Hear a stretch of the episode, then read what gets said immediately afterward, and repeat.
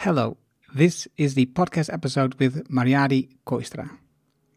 If you don't speak Dutch, just skip this Dutch introduction of about 30 seconds. Hallo en welkom bij aflevering 415 van de Decide for Impact podcast.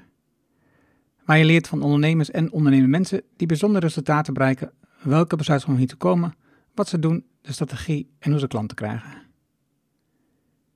Mijn naam is Erno Hanink en ik deel mijn opgedane kennis, ervaringen en expertise met jou. Ik coach ondernemers zodat ze besluiten nemen om een impact te groeien. Today we have the conversation with Marjadi Kooistra. And when she talks about her life in three sentences, she says, Until now, my life has been a journey of self discovery. Who am I? Who do I want to be? What is my purpose? And what am I grateful for? A journey from living from the heart as a child to living from the mind during most of my adulthood and business career. And now, listening to my heart and soul and giving it words. A transitioning process that has been taking place most of my life without me knowing consciously. And now turned into trusting myself and trusting my journey. Seeing the light and the darkness inside myself and trying to balance those every day. Let's get started. Welkom bij Design for Impact, de podcast waarin je leert van ondernemers en experts die een positieve, duurzame bijdrage leveren aan mens en omgeving. Met persoonlijke verhalen die je helpen om impactbesluiten te nemen voor jullie bedrijf. Dan nu, jouw business coach, Engel Halling.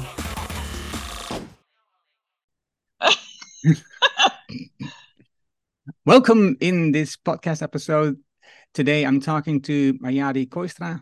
When you're looking at her LinkedIn profile, it's still Maria, the Dutch uh, name, but since the IDG Summit, it is Marjadi. Welcome, Marjadi. Thank you so much. I think it's it is an interesting story to start with um, before we go into your history and your career and the company you're having now with the blue credits and so on. And we come to all that part, but let's start with this whole life changing moment at the IDG Summit? Wow, you just bump into it immediately. I thought you didn't have any questions ready, but you did have the entrance ready. So that's where we met actually. Yes, the IDG Summit. It's now two weeks ago. I came there uh, because I was attracted to the IDG framework, as we all were. I got goosebumps the first time I saw it, and I thought, yeah, that is the answer. That uh, that is the way to go forward to actually start uh, working with the stakeholder management uh, in Together for a Better Good, because I missed something there. Um, together with my husband, uh, we have uh, the company Together for a Better Good, um, doing projects in uh, blue carbon and I missed the people side in that. I tried to do stakeholder management and I really felt that I was bumping into something like like a big border or a big something people didn't want to move, uh, go forward. And then the IDG framework came forward and I thought, yeah, this is uh, what I have to integrate in stakeholder management. I'm also an executive coach, coach, team coach, whatever you can call it. Um, but that was how I was attracted to the IDGs, and that is how I ended up at the IDG Summit.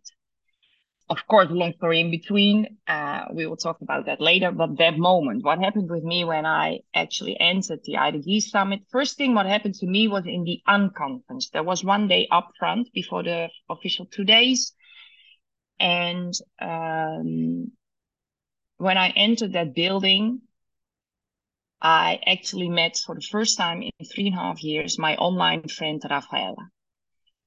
And we were friends for three and a half years. We met uh, during the Gaia journey of uh, the Presencing Institute, uh, which started during uh, the first lockdown uh, in the COVID crisis. And we have been friends ever since. And we helped each other through those difficult years, uh, went through the U hundreds of times together. Uh, been sleeping in the bottom of the U, I don't know, for two years maybe, uh, finding it very comfortable, but holding hands and meeting her in real life was like, I think I cried for 10 minutes. It was very, very emotional. Um, and if I look back to the IDG summit, it continued like that. It was like these moments of really connecting with people, heart to heart, um, opening up, uh, feeling safe because it was really safe space, um, and starting crying for stories that told, uh, life stories, business stories, uh, really finding myself in a place I haven't been for for such a long time, and certainly not during congresses and summits in my former life as financial services uh, prof- professional. So the first day of the official summit started. And in this big circus, uh, sitting there um, with a lot of women actually around me. There were definitely not only women. Uh, if I look back, I think there even were 50 50, maybe 60 40. Uh, there were a lot of men, but I was sitting uh, surrounded by women. And then Antonia, the poet, came and uh, she started with a, a poem about the ripple effect of a butterfly on uh, one side of the world and then what it could actually uh, cause on the other side of the world. And I really feel like the IDG is doing that. I mean, this ripple effect of the IDG starting last year and now with more than 400 hubs uh, around the world with, with corporates, with governments, with institutions now uh, starting to be curious about it, starting to implement it, etc., etc. So for me, it was really a very emotional moment. And I started crying immediately. It just started the summit. And I thought, oh my God, what is happening with me? So it continued like that the first day. These stories, they were so, so transparent, so open, so authentic. And I related so much with the people. So it was really heart to heart. Then the second day, I was in track two and it was about glo- global cooperation. Um, and um, I listened to Freddy uh, from uh, from Rwanda, and he's a survivor of the genocide. And he told us a story about how he lost his parents and his sisters in 1994, being 18 years old. And I heard his story before, um, online uh, in a trauma uh, special from also the IDG uh, organization last year. And he told it a little bit in a different way. And I think everybody was crying. There were more than 200 people in that room, and men and women, they were looking at each other. And there was no other way than start opening your heart because he was talking about forgiveness and colonialism and trauma and everything around that. So after he talked, we we kind of needed a break. Um, and um, forgive me, I'm very bad in names. So so this facilitator comes up. He has done a lot of uh, uh, breaks in between. We're doing a kind of uh, an exercise uh, to get everybody back uh, grounded uh, again. And he asked us to look around, choose a person we didn't know yet, and introduce ourselves. So I looked around and I started talking with, um, I think she was from the US. I can't remember her name. And we introduced ourselves. We got each 90 seconds, and the story went like, well, I'm Maria Kooistra. I have a company with my husband, two children, blah, blah, blah, born and raised in Holland, blah, blah, blah. And the woman uh, introduced herself. And then the facilitator asked us, uh, after having done this exercise and how did that feel? What how, how what what what did it do something that you yeah uh, well, just thinking in just reproducing a story about yourself but it didn't come to the heart? So he said i would like you to do the same exercise but speak from the heart so, okay, do the same exercise. So we look at each other, and the woman puts her hand on my shoulder and she says, You start because I really don't know what to say, speaking from the heart. And I said, Yeah, I actually don't know either, but I will try. So I took a deep breath. And then my voice opened and my voice said, I'm Asian. And I'm like, my head is like, what the? Seriously? Are you seriously going to say this? And my heart says again, I'm Asian.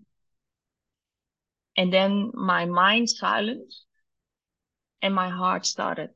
And I was denied to be Asian because of everything what happened with my family formally during the war with my mother. Uh, a lot came came up. Uh, I didn't say it immediately, but it was really like I'm Asian. I was denied to be Asian. I was not allowed to speak the language. It was a secret language. I was not allowed to be with my family a lot because it was denied by my mother. She didn't want uh, wanted us to be uh, Indonesian. We had to be Dutch. We needed to be proud to be Dutch. And I was proud. I've been, always been proud to be Dutch. I'm still proud to be partly Dutch, but I'm also partly Indonesian. So I started crying, and of course, the woman started crying also. And I was really like, what the fuck happened here? It was something I have never said in my whole life. And what was most, most strange was that I, in that moment when it happened, when this really deep voice, this connection with my heart came up, that my mind was really fighting it.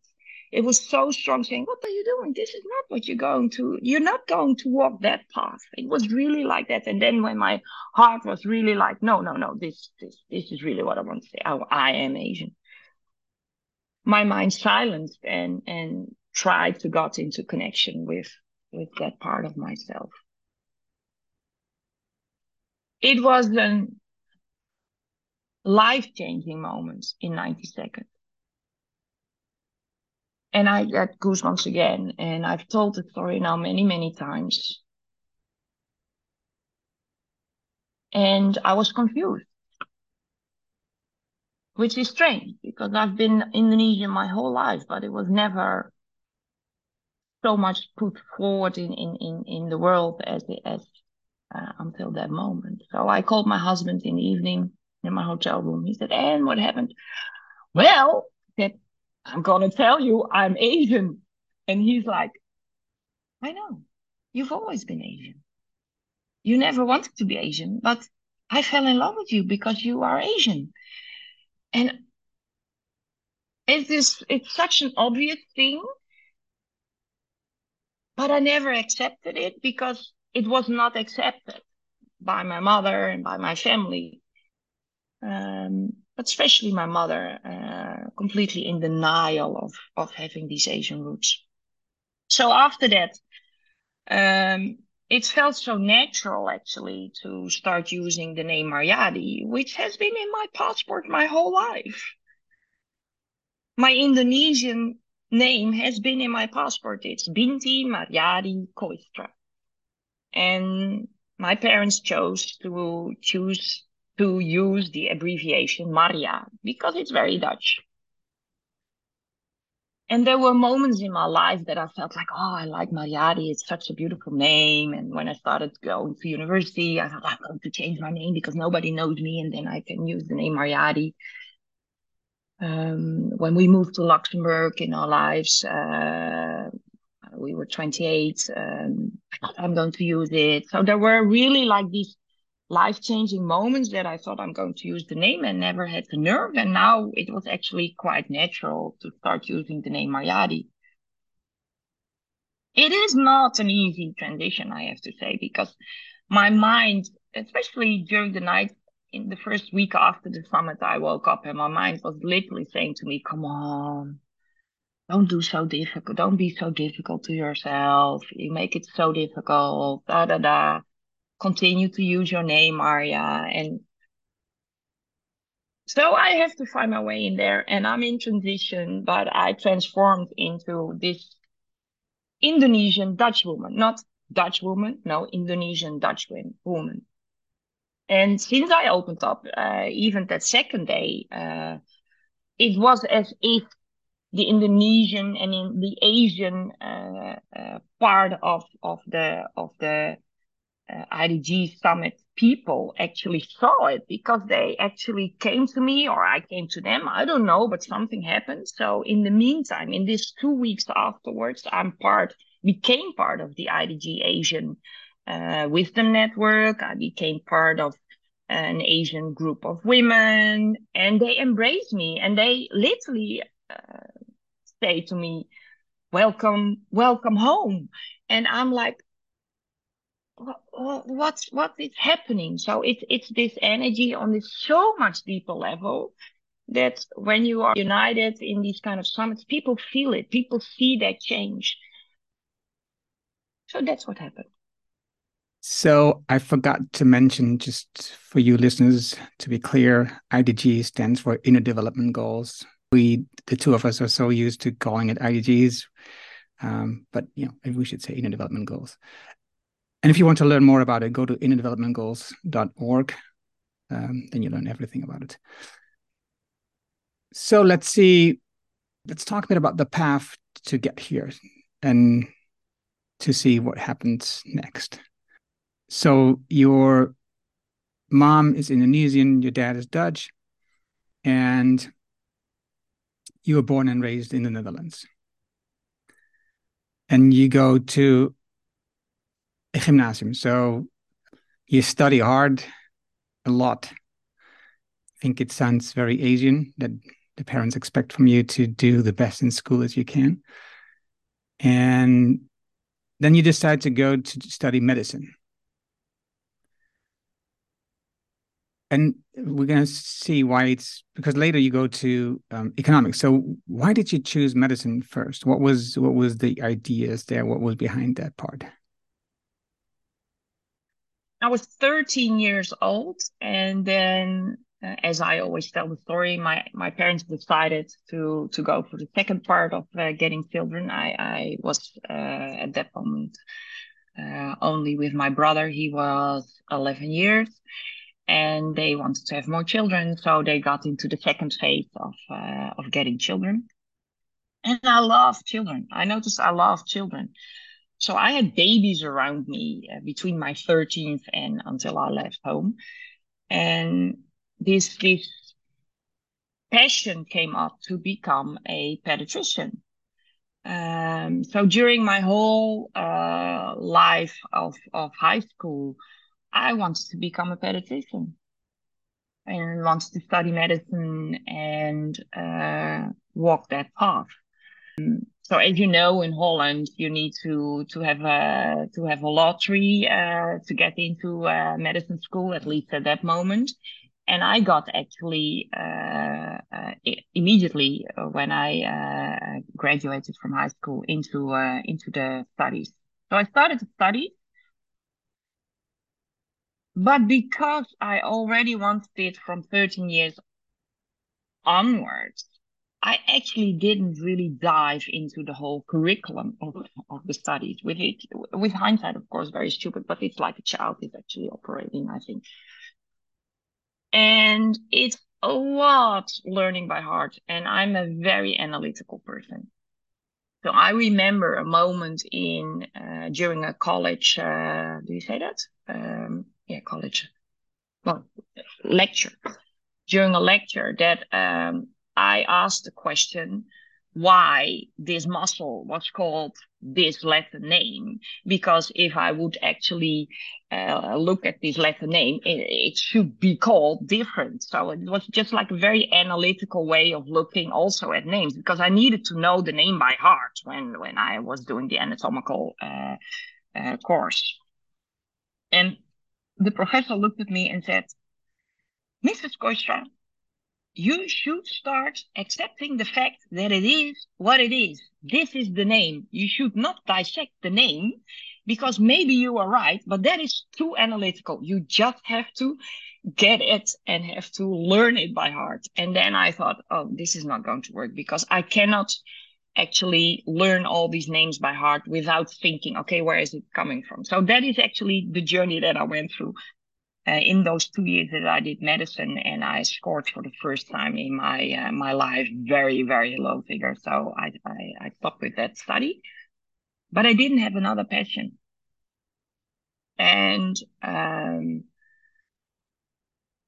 I wanted to do actually uh, chemistry or even mathematics, but that was like, I mean, we're talking about about the 80s, and that was like too manly. I mean, the, for for a woman to start uh, chemistry or mathematics, uh, so uh, it it passed my mind, and I thought, no, no, I shouldn't do that because I mean, no, that that's for men. So I did economics, and that was purely based on the fact that um, it's an easy study. At least I thought it was an easy study. Uh, and you could earn a lot of money with it. So very completely different, different side of uh, of the spectrum. So I did it. Uh, did I like it? No but I I just wanted to to have a to to to study and I wanted to graduate and have a job. So my my perspective changed completely. Um, this love for medicine stayed and this love for children stayed my whole life and and yeah sometimes i felt like oh god i should have actually gone through with it and uh, continue with it, but, but I didn't. So um, I made I made a big career out of economics. I started with the Robeco Group, and um, I was good at it in a certain way, but there was no heart. So I remember that I was with Robeco. Um, I did a specialty. Uh, uh, monetary economics and there were two kind of jobs that you could get. You could get uh, into government uh, with the ministry of economics or you could get like uh, a job like a fixed income portfolio manager with robeco who was doing like a kind of traineeship something like that. But my whole group actually was uh, looking for the same jobs because there were not a lot of uh, jobs at that period. Uh, it was uh, it was an economic down uh, move, down cycle. So um, I actually got a job. we applied, I think, with 30 people, and I got a job. So I I was very happy. I needed to be happy because I had the job that everybody wanted to have, and I started with the job. And after two weeks, I thought, "Oh my god!" Is this it? looking at screens and looking at graphs and yield curves and whatever you have and durations and very, very, very male environment.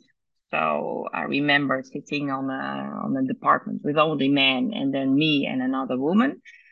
Um, very, very male. Um, I survived that environment for almost uh, 28 years. And I was very, very unhappy from the from the beginning. Um, and I tried to compensate that with, okay, I was earning a lot of money, so I could do whatever I wanted, you know, go on holidays, buy nice stuff, everything. But I was happy. So that that that was like like a cycle in my life. Um, and I got a lot of energy by doing new things. So I was good in setting up projects and starting up projects, getting people together. So what you can see in my, my curriculum is that I have jobs for two and a half, three years max, and then start a new job because I really wanted to have this new energy and feel new people and get this passion in and, and build a team, blah, blah, blah. So I continued like that. We moved to Luxembourg. Luxembourg was the uh, um, um, investment fund uh, country uh, in Europe. They started with a certain legislation uh, which made it um, good for investment fund companies to start their uh, uh, investment management company there.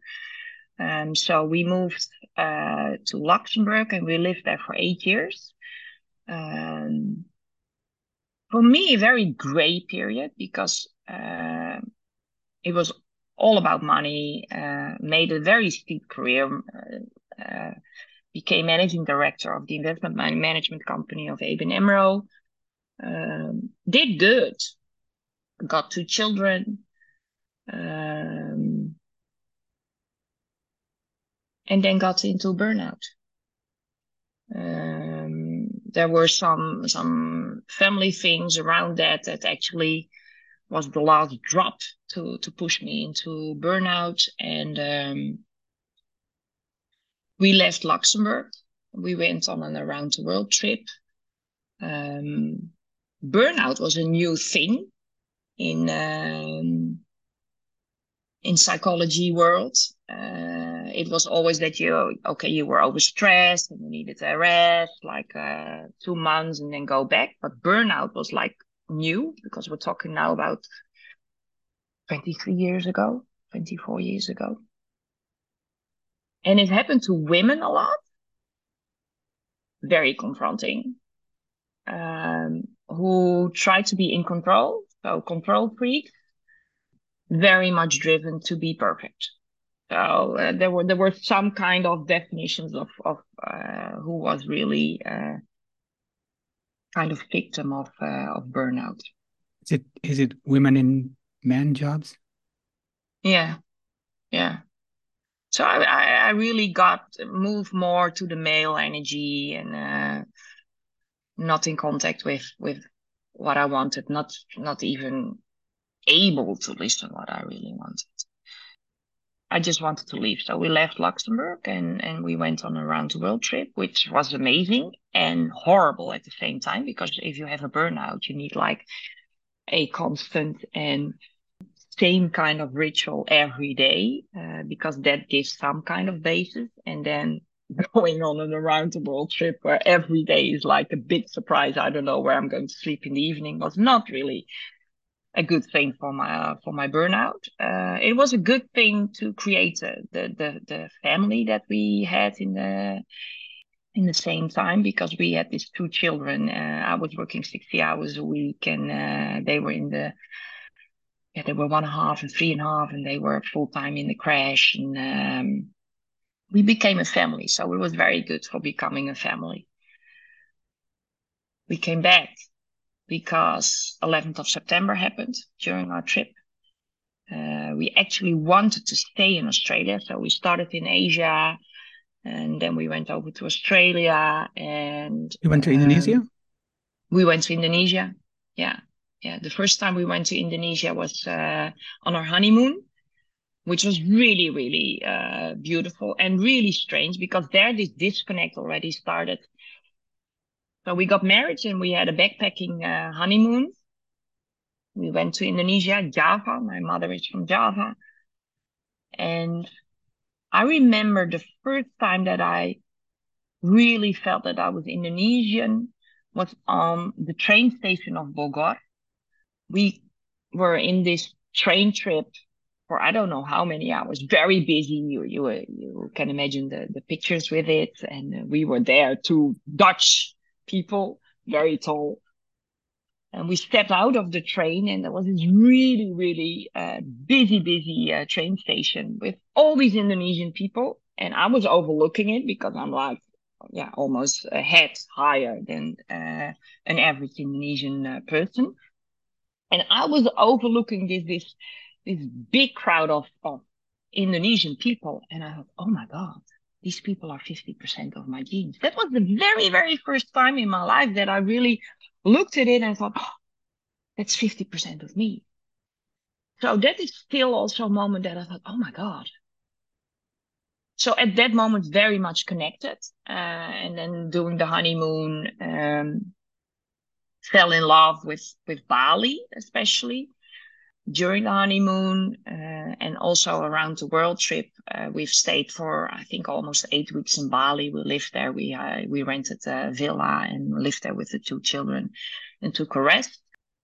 Yeah, Indonesian Indonesia. Since we got married, I've been there like five or six times. Also with my eldest one, eldest daughter, uh, once because my eldest daughter is for me an example. She really embraces her Asian roots, and I was always surprised about that. But she is very, very uh, aware of the fact that she's 25% Asian, and she always said she's Asian. She's more proud of her Asian roots than she is of her European roots. Uh, because she was born in Luxembourg, her father is Dutch, uh, her grandfather is Dutch, but her grandmother is Indonesian, and she's so proud of it. So um, I just had a talk with her this week, and she's like, "Oh, mom, you're finally embracing your Asian roots. How amazing is that?" I said, "Yeah, you always did. Yeah, I always introduced myself as being Asian, born in Luxembourg. I actually never mentioned the Dutch part," she says, and I didn't know that.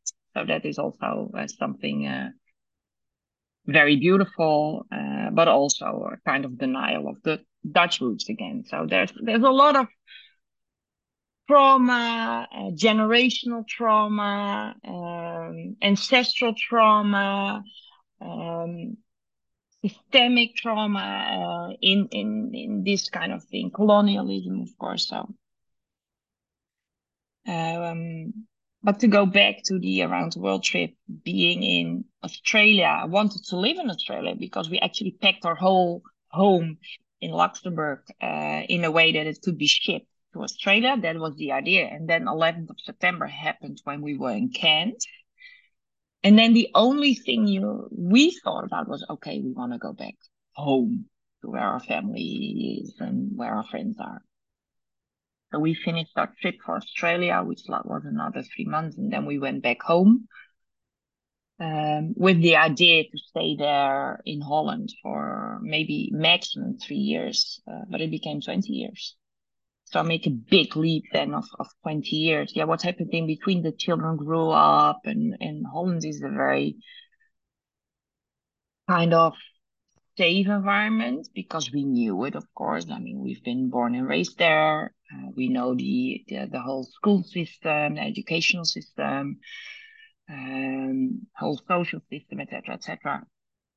Before you know it, you're five years ahead, and the children have little friends and have their little sport clubs, and you just look at each other and say, "Okay, well, we need to be happy here because the children are happy." So let's look at it again emigrating or doing something else when the children are leaving home. And that is actually what happened uh, with us. With some some up and down cycles uh, in my life, uh, because every time I went back to the asset management world, the investment management world, because um, it was so easy uh, to earn money and to have a job again, and that has been like a big trap in my whole life. So, okay, if I wanted to make a change and I got unsecure or uncertain, go back. I mean, it's easy. I mean, I could do it now. I can apply and I get a beautiful job uh, because we're now having this startup and it's still a startup. I mean, we really have to to start continue to knock on doors and, and tell that that we are here you know uh, together for the better good so it's still my personal journey is really about becoming aware of the traps every time uh, and then doing something about it this inner journey of listening to my heart and to my soul. What do i really really want? What opens my heart? What gives me energy? What gives me passion? So moving from this rational financial services professional to what i'm doing now uh, i became a coach four years ago because i was I was at that moment doing a big reorganization of a, of a company as a managing director. Uh, being part of a big board with uh, with people from from the government, uh, semi-government, uh, um, so a lot of important people and little me um, thinking, okay, does this make me happy? I mean, and then listening to my heart. No, I, I really really should start listening to the to the voice inside that I want to do something with people and something else than money, which is just something which I can read on the screen, uh, but I never see the money. I never feel the money. Uh, I made billions of money for big companies, but I want to just get back a little bit to this burnout period. Yes. How, how did you get out what did you do? What system did you organize? How did you work to get out of burnout? I've been in burnout for three and a half years, and that's a very, very long time. And and maybe it's Indonesian, maybe it's Dutch, I don't know. I'm not the kind of person who's going to knock on doors to ask for help. And that is also something I had to learn later on.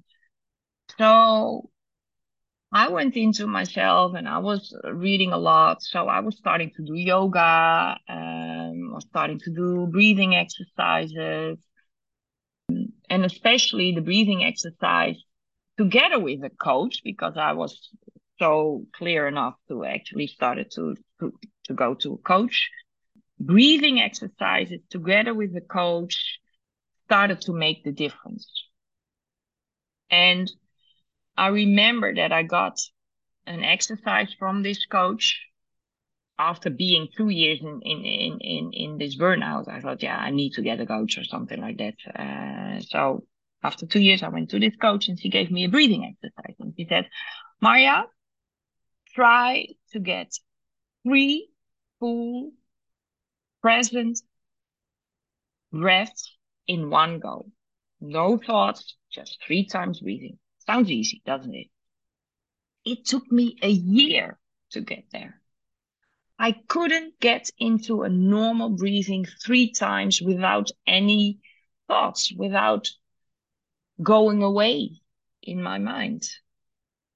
And I learned it by walking the new dog that we bought for the children because every morning I went with this dog and then at a certain moment we were walking on a path uh, nearby a canal and I was starting to breathe. And it took me like three, four weeks to, in that moment, I was already trying for six months to start doing the breathing. And then I noticed that my little doggy was really sitting next to me and looking over the waters and doing it with me. So um, she she taught me to start breathing, and then I took it to a different level, and that was when I was doing my mascara in the, in the in the mirror.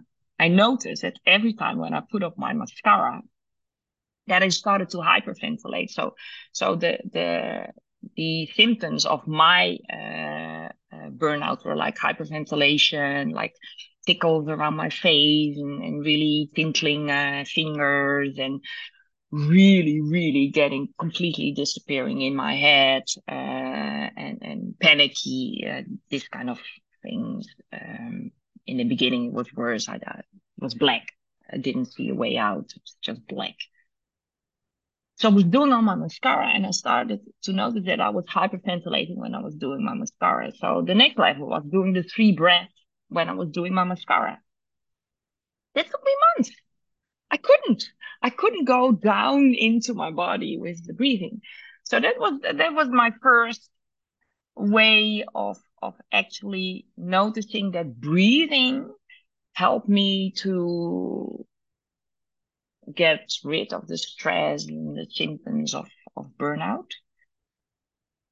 And listening to my body, listening to okay, what is burnout? Listening to, okay, when I start feeling things like uh, ting- tingling uh, mouth or uh, in my fingers or a band around my head or this this feeling, I should act upon it. So the connection with my body became very important. And it took me a journey of almost 10 years to live with it because eh, after three, four years, I started to have a new job again. Of course, there's stress. And every time I reached the point that I realized, okay, there's something with me. I have to acknowledge the fact that I feel this again or that I feel that again. And I had to make a decision to do it differently. So I had to learn to embrace the fact that I had a burnout and I had to learn to live with it because it will never leave you when you once had a burnout. uh, unless you start li- listening to your body and to your heart. With me, it worked like that for me. And still now, I mean, when I get like stressed, I'm like, and I feel, okay, what is happening? Why am I breathing that high? Why am I feeling this? Oh, it's because of this, that. Okay, I have to do it differently then. So there's always this connection with my body uh, after that that period, and it took took some time. Um, but the acknowledgement, embracing the fact that it was what it is, and that is now part of me, uh, actually made it better and, and, better and better. And now I can live with it. Uh, I think it will never leave me because I'm very prone to, to these kind of symptoms. I'm still a control freak. I had to learn how to get a little bit more loosen, uh, to be aware, become aware of that, that I really want to control everything. I had, I had to acknowledge that I want everything to be perfect, that life is not perfect. So I had to to deal with that. Um, I had to learn to delegate, uh, all these kind of things. It was part of the journey, and um, yeah, that's it. Some part when you were working at ABN, you decided to open a shoe store. Mm-hmm. And actually, I think it was when you were working. No, it was when you just left T. Rowe Price. How did that satisfy your difficulties with your job? How did it? How did it compensate? Did it compensate? How did it compensate your feelings with it with the work that you normally were doing? Yeah. Um, up till that moment, I when people were asking what I was doing, I was always saying, okay, I'm having this, that kind of job in this, that kind of company. And, uh, but if I could do it all over again, I would do something in fashion because I love fashion. And then I was reaching 40 years and I thought, okay, I've been through burnout. I've done so many things. And every time I, I just hear myself saying this to people when I introduce myself. So I was literally thinking, how pathetic is it when you become 65 and you have pension and you still say, if I could do it all over again, I would do something in fashion. I have to do this. I have to do this. So that was this little seed, and I started uh, to think, oh, what what would I like and what would I love, and yeah, but every time this voice was saying, yeah, but you don't have any experience in, in fashion. Well, then my heart was saying, yes, but you know what you like and you know what you love. So I just took a, a leap of faith when I was 42, I think, because I wasn't happy again at. Rowe Price. And uh, this time. Rowe Price. And um, I thought, I'm just going to do it. Whatever.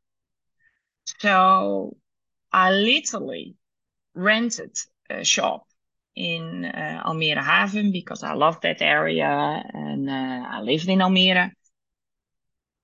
And I went to Milan. And still, also now in meditation, uh, when we have, when it's asked in a visual visualized uh, meditation, okay, go back to a moment that made you really, really happy. It is that moment when I came to the exchange in Milan and only shoes and only labels and only beautiful people and fashion. And I was like a little girl in, in a, in a, in a, in a candy shop, you know, I was like, oh my God. And this energy and this passion but I didn't know anything about the business. So I just did what felt good. I wanted to have a few labels, and everybody upfront said, You're never going to get these labels because you need to have experience in the business. And I was like, Yeah, well, I'm going to get these labels. And I don't know how, but I, I, I had been in sales and relationship management, so I knew how to talk.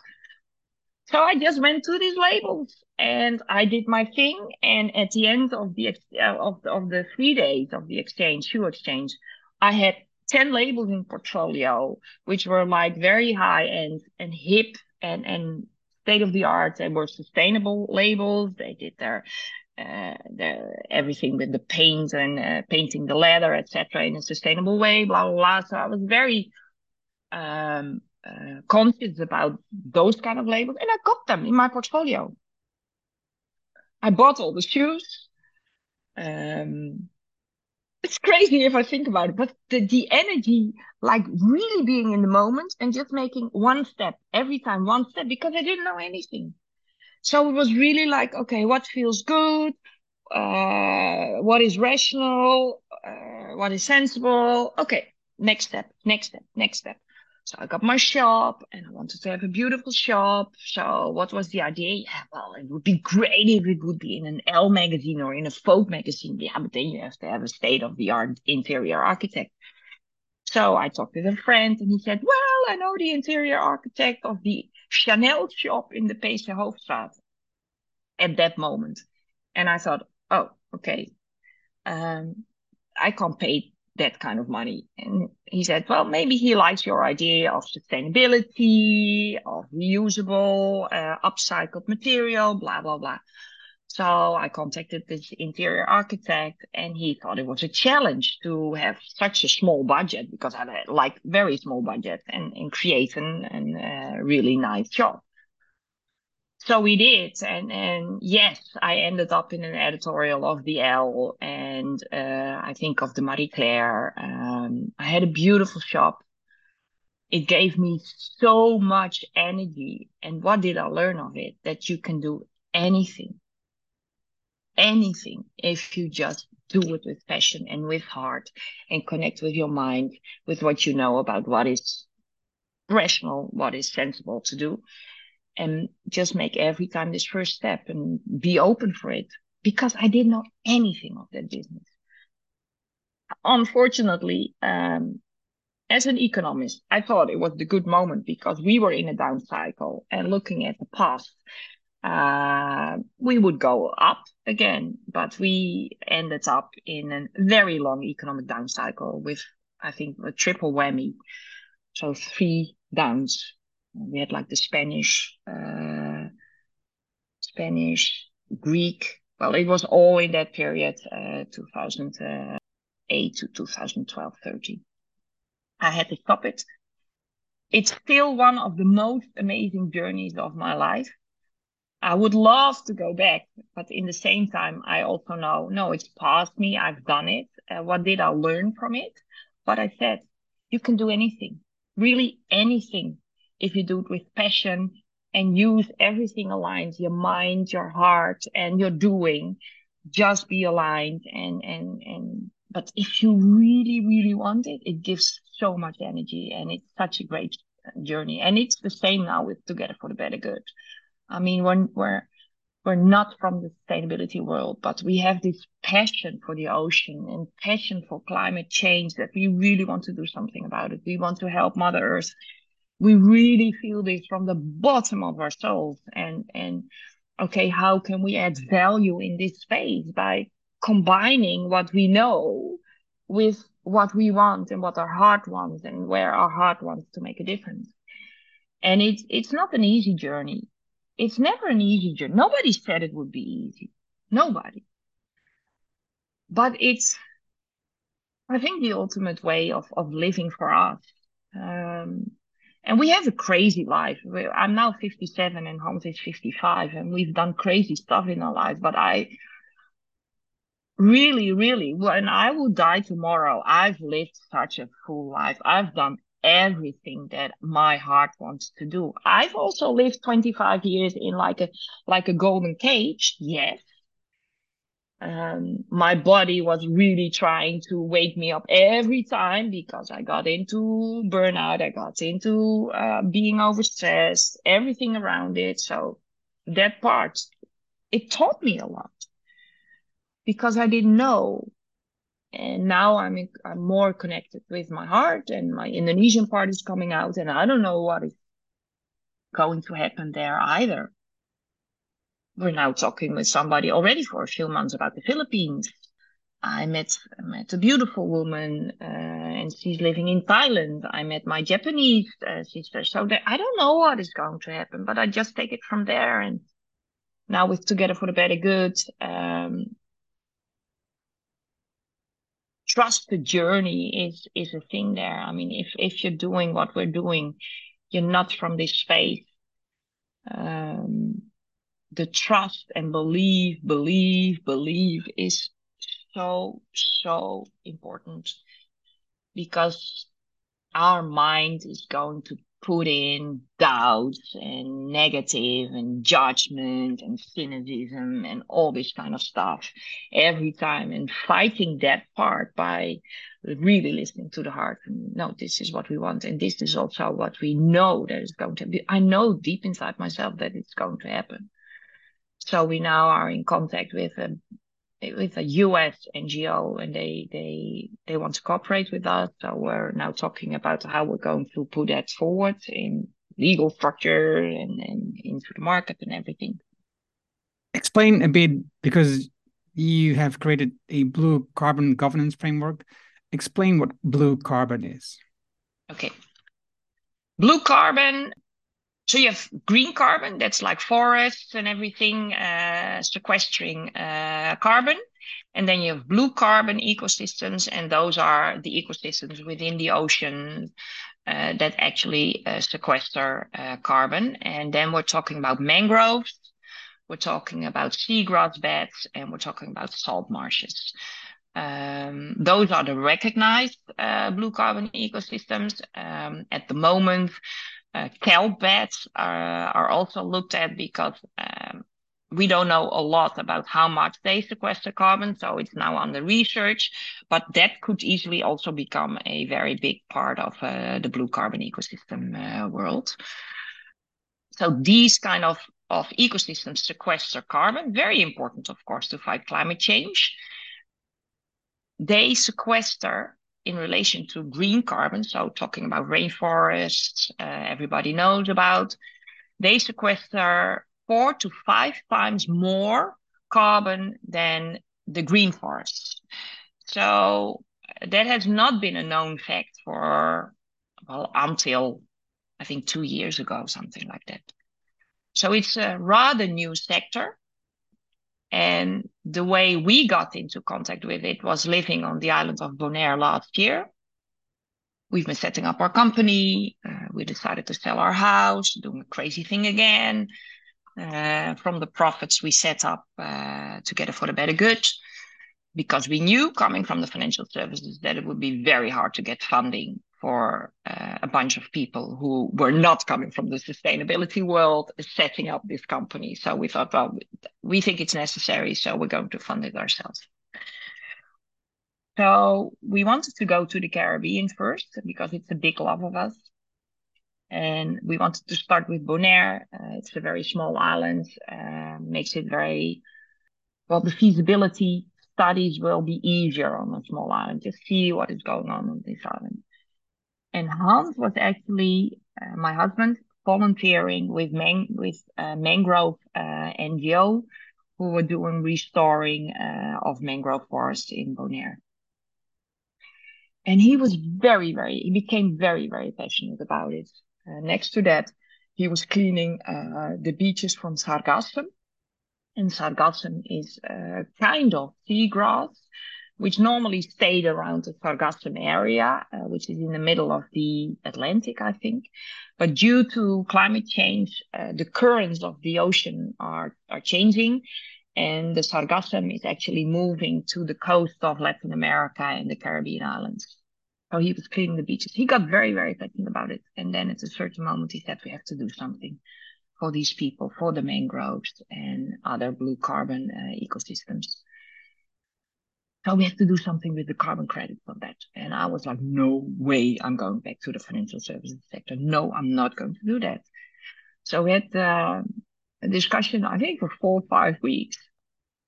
And at a certain moment, it changed in my mind. It was, it became like, what can we do with our knowledge to add value to this, this market, to these projects? So as we know, financial services is very uh, organized, uh, very strict in risk management, etc., etc. Uh, these projects very difficult to get funding because I mean it's an unknown sector, a lot of risks. So we married the two and we came up with this blue carbon governance framework. Uh, and we're putting that around carbon projects so they can be held accountable for what they're doing. So there's a lot of risk management, there's compliance, there's, there's due diligence, a lot of monitoring and control that we put around these projects and which is not at the moment present around these projects. And that's why we hear, hear so much about uh, uh, greenwashing, blue washing in this respect, uh, fraud, and whatever you have very complicated projects because there are a lot of stakeholders around it, going from local governments to international governments, local people, indigenous people, NGOs, whatever, and you have to put them all together because it's one big team who who needs to work with these uh, projects and make it a success. Um, and that's where the IDGs came in. Yeah, because it, there's there's four things that you deliver in services, and in one of those, um, stakeholder management, you have incorporated Theory U, which is um, directly connected to the inner development goals, and obviously, of course, the inner development goals. But it is it starts up with the setup of a project uh, program and project governance and management, stakeholder management, implementation of our CARES, that's uh, abbreviation, the toolkit with its policies, processes, and procedures, and then advisory and structuring management and implementation of investment funds. But the idea is you have carbon offset and carbon credits, right? So mm-hmm. you these blue um, projects they have carbon offset, and then you have companies who can buy carbon credits. So what you have is that, yeah, what what what happens with a project like this is that um, the first part is actually defining how much offset is actually uh, regulated in this particular uh, piece of sea or land, because mangroves is, of course, uh, land. Um, so there's a lot of scientific uh, research done uh, until uh, it goes to uh, the credit institute, who's going to look at it and say, okay, it's it's usable for issuing carbon credits. So there are a few uh, credit institutes, carbon credit institutes, like uh, they, they are going to look at, at the research done and they are going to state uh, what is possible uh, in issuing carbon credits. The moment that it's possible, uh, the carbon credits are issued by the local government because the local government is actually the owner of the land and the sea. Um, and if they're going to issue it, investors are going to invest in these credits. Then the money comes in and then the projects can be sustained. But who is investing? Why, why are they investing? The the invest the, the investors uh, could be looking for offset of their for their own uh, company. So let's talk about an airplane uh, company. They have a lot of carbon uh, issuance, so they need to offset that. Uh, it's like we buy a ticket and then you can offset uh, your carbon issuance. Um, so they have that actually for uh, they need to offset their their their carbon carbon use. Um, so they're searching for projects they can invest in to do their carbon offset. But, but to me, it still sounds um, strange, right? I had this discussion with Aaron Rembrandts. He also worked for a carbon offset um, company for a while, and it, it, for me it feels like, and I'm I'm not judging you to be clear, right? No, but I'm no, no, I'm just trying to um to get this clear, right? So um, it sounds like so you're giving these companies who pollute the opportunity to continue their polluting yeah it's it's uh, and it's a fair statement and it's it's a statement that was one of the reasons that I said I don't want to be involved in carbon credits because you you're actually continuing the cycle of uh, the companies uh, who are polluting the air. Yes, so completely agree with that statement, and that's the reason that we have actually developed this framework because we're also looking into the investor. So what is the investor going to do? Are they really going to offset and trying to decrease their carbon issuance? Or are they going to buy the offset to continue the business and even increase their carbon uh, uh, output? So there is also uh, monitoring and control on the investor investment part. Um, can we completely uh, take that out of the equation? No, I don't think so. Um, so is it a, is it is it like a cycle? Yes, I think partly it will be a cycle. Um, but what can we do? Should we then not do these kind of projects and sustain the mangroves and the seagrass beds, we need to get these going and we need to be aware of the fact that, for instance, mangroves are like a natural dike to the increase of the sea level. So if we want to protect our land, uh, the countries who are actually uh, nearby the ocean, we have to increase the mangrove forests. And yes, I agree with you. Uh, do you continue this cycle? Yes. So that's another part of the business. How are we going to decrease the output of the carbon? Um, is it part of our business? Partly because we're going to look at the investors and see if they're not using it just to be continuing the journey and not looking at other uh, aspects of the business. So we're really going to look into okay, what what is what what are the goals of, of a company? Um, are they going to decrease in the end uh, under the big line anyway? Um, or are they going to use it just to offset and continue their journey? How do you use the inner development goals in this? Um, and that has to do with stakeholder management. So they're part of the stakeholder management. And that's really like going to the being. So I really think that the outer world is putting a lot of KPIs, so to say, on us. So we have to do this, we have to do that before 2030 and before 2050. So this is what, what people are working with. But in the meantime, they're actually driven by uh, creating profit, uh, getting more, more, more. So how do you balance that? You can't. I mean, this has to change.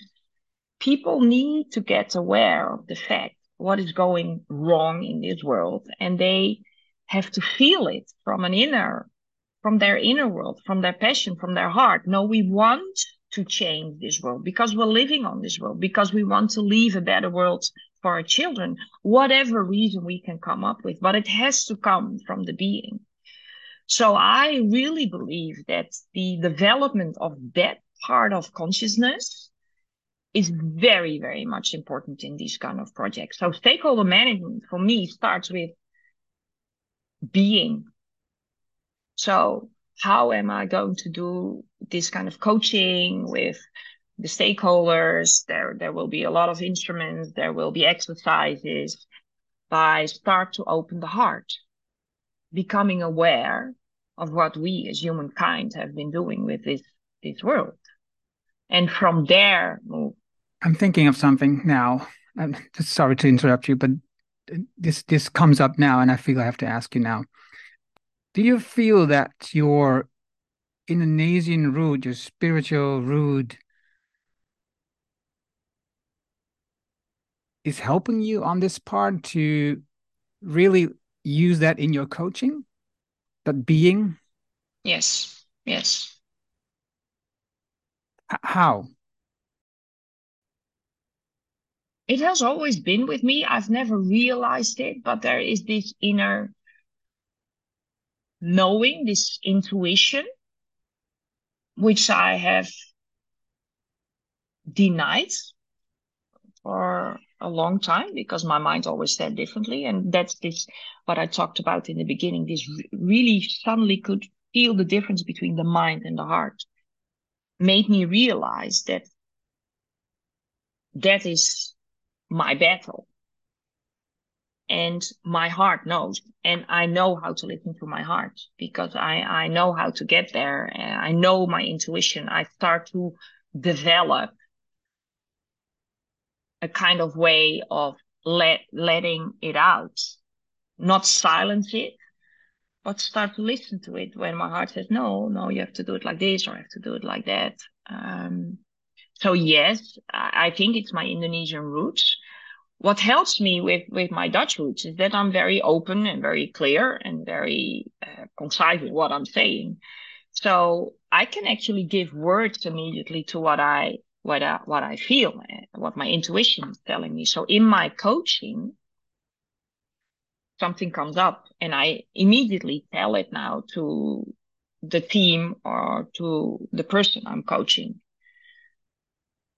In a way, telling for myself, okay, I, I, like you just said to me, I just want to ask you this question and uh, just connecting with it and just telling the person across me or the team across me, okay, this thought comes in, in, in, in my, in my mind and just correct me if I'm wrong. If it doesn't resonate, just tell me. If it resonates, we take it from there. And I just tell it like you did. And to be honest, in 95% of the cases, it resonates. So I started to trust that voice because it does resonate with the people I'm actually talking to. And I learned the last three, four years to put that voice forward. And it's always on point. It's always on point. So for me, there's no hurdle anymore in letting this voice be heard.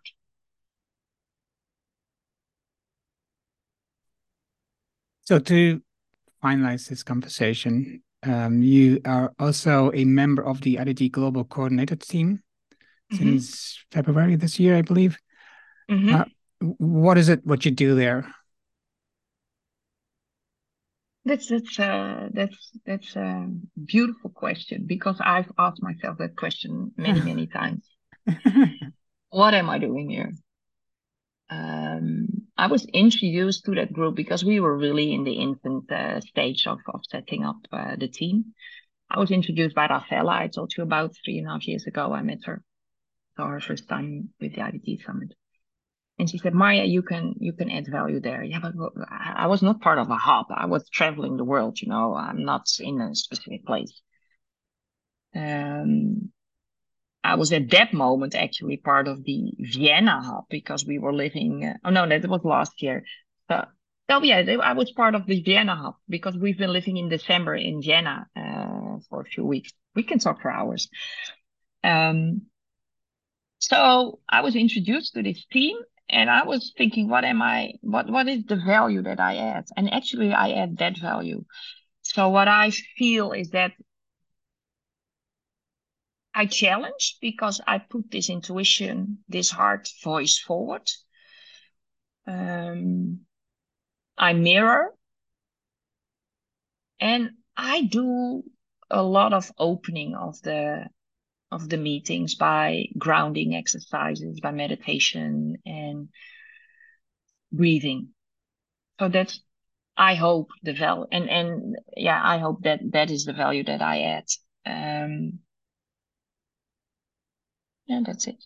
So i think it's really talking from the heart and and sometimes it's confronting because i'm not a, person who's trying to conform with what everybody is saying because i've been there done that became very unhappy about that. So i'm really like okay yes well everybody can have this opinion but i think that we should also look at this because my heart is saying no no no no it should be more like this or that. And then it opens up conversation or it gives some insight that yeah i think that is the value that i add next to being like very social and really getting people together and of course, of course. yeah. Oh Marjadi, i thank you very much. I've learned a lot in this conversation. Learn about of course what what contributed to your burnout how you've been fighting um, this analytical male kind of environment with the feelings from your heart, probably more like the Indonesian roots there. Starting something with passion and how passion really drives you and not just you, but probably any person. You just said, you know, if you have passion, you can do anything. And now how you use this passion to work towards a better goal, a better world, I should say, in, you know, restoring, rebuilding, reorganizing maybe the blue carbon situation all over the world where the oceans, like you just said, are very important to our carbon offset, not offset, but our carbon intake. And yes, if we if we don't take care of our oceans, we we run into so much problems.